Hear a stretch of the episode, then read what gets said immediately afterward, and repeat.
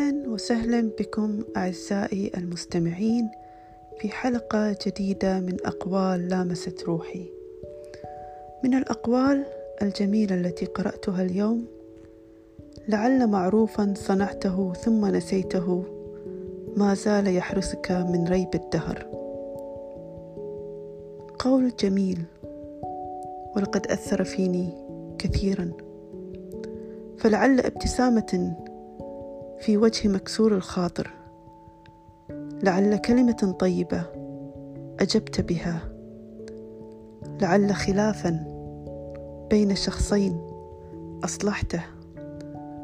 لعل جرحا تجاوزت عنه.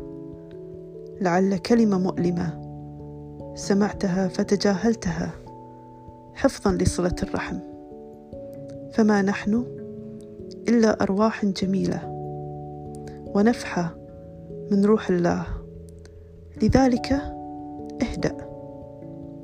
نعم اهدأ. وتعامل بإنسانية. ليس مع البشر فقط بل مع الحيوان والنبات. فلعل ما تستصغره من معروف هو ما يحميك من مصارع السوء. ألم تقف يوما مشدوها؟ كيف أنقذك الإله من ذائقة أو محنة؟ لم تعمل لها حساب. ألم تكن يوما متوترا من حدث أو موقف ثم رأيته يسهل لك كل شيء وييسر لك كل شيء؟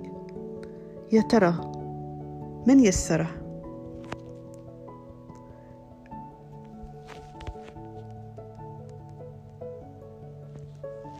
يا ترى من سهله؟